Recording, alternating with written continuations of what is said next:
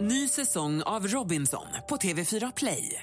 Hetta, storm, hunger. Det har hela tiden varit en kamp. Nu är det blod och tårar. Fan händer just nu. Det. är Detta är inte okej. Robinson 2024, nu fucking kör vi! Streama söndag på TV4 Play. Eh, Kenneth Tornef alltså var gäst i programmet denna morgon. Aktuell med ett program eh, i Discovery som heter Förklaring följer med Kenneth Hornef. Vi har telefon också. Daniel, god morgon.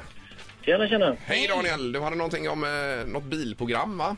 Ja, det är Wheeler Dealer körde ni en gång där. Det saknar man ju mycket, men det kanske var lite mäckigt att hålla på med. Ja, det var ju mäkt det gick ut på. Haha.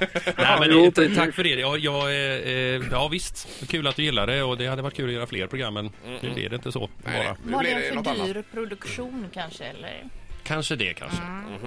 Det är ju alltid pengarna i slutändan. Mhm. Det, Det. det handlar om. Ja, det var himla synd om det var. Ja, du är favoritbil om du hade fått eh, göra ett program till. Eh, Jag tror en Ford Fairline 500 cabbe hade varit kul. Tjusigt. Jaha. Så där, ja. Fairline 500. Vad, vad är det för Kanske. vad, vad, vad, årsmodell? 60-tal någonting va? 65 Ja, eller? 675. Ja, ja, Ja, ja. 65 är ju en väldigt fin årgång. Alltså. Ja. Vi borde haft någon ser Mhm. typ av biltest här på Kenneth känner jag ju. För att här är jag har ingen aning vad det är för bil ni pratar om. Stor amerikansk bil. Det är det. Mm. Okej. Bra Daniel, tack för att du ringde.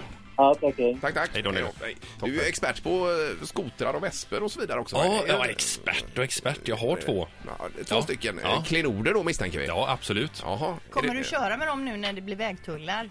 Ja, you bet. Ja. Ja. Du, Men, ja. ja.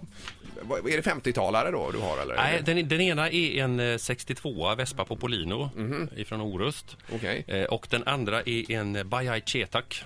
Det säger mig ingenting. Det är en indisk eh, Vespa Sprint Mhm. från 92. De sålde dem i Gamlestan i början på 90-talet. Ja. Ja. V- eh, Alltså, i- Bajaj köpte eh, Vespas fabrik och flyttade den till Indien Okej. och gjorde replikor. Mm. Jaha. Sådär, ja. Bajaj ja. Men, Chetak. men är inte det bara klenoder som du har att titta på i garaget?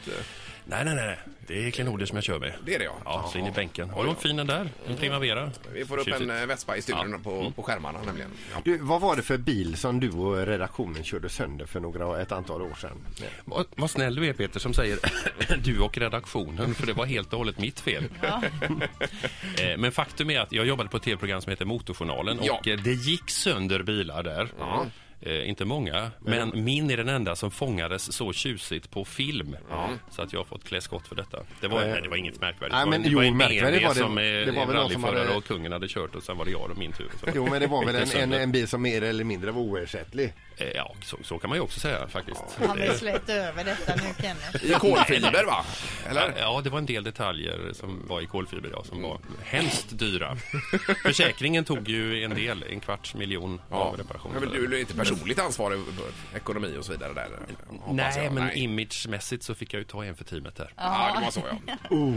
Okej. Ja, du. Ja. Fattar Men- du hur det kändes eller? Vilken smäll. Men vilken, häft, vilken är den häftigaste bilen du har kört då? Eh, jag gillar gamla bilar och min favorit är Maserati 3500 GT från 58. Den första årsmodellen. Oj då. Så vacker.